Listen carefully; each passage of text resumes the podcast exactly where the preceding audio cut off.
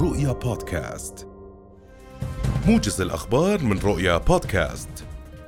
يعقد مجلس النواب في هذه الأثناء جلسة تشريعية صباحية يستكمل خلالها مناقشة مشروع قانون رخص المهن داخل حدود أمانة عمان الكبرى.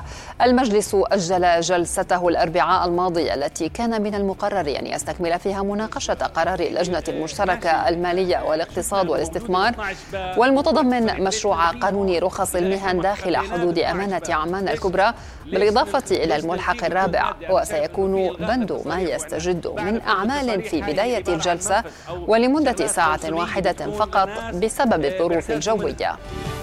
أكد وزير التربية والتعليم دكتور وجيه عويس أن صحة الطلبة والكوادر التعليمية والإدارية والمجتمع في مقدمة أولويات الوزارة في هذه المرحلة.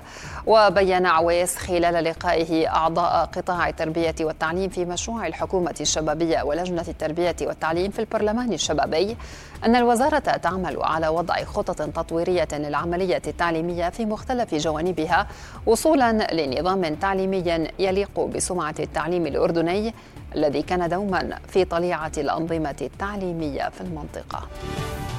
أكد نقيب أصحاب شركات التخليص ونقل البضائع ضيف الله أبو عقول أن الأحداث التي وقعت في الحدود أو على الحدود الأردنية السورية لم تؤثر على حركة انسيابية البضائع إلى الأردن وسوريا.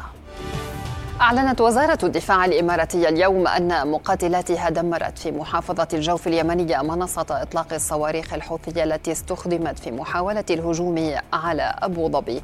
الوزارة نشرت مقطع فيديو يوثق عملية تدمير المنصة التابعة لميليشيا الحوثي. وكانت وزارة الدفاع الإماراتية قد أعلنت في وقت سابق أن دفاعها الجوي اعترض ودمر صاروخين فلسطينيين أطلقتهما جماعة الحوثي باتجاه أراضيها.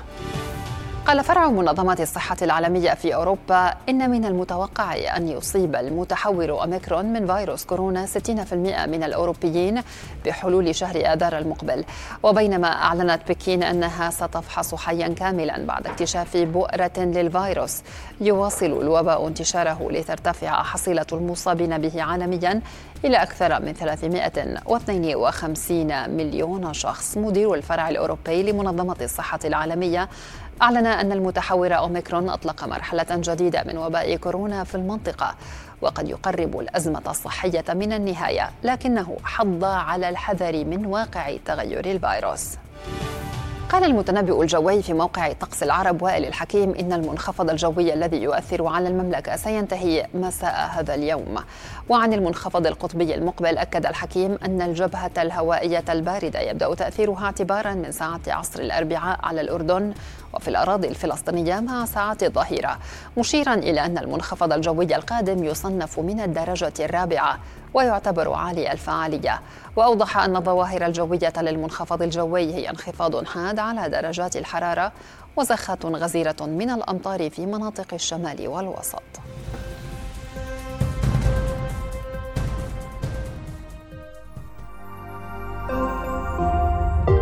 رؤيا بودكاست.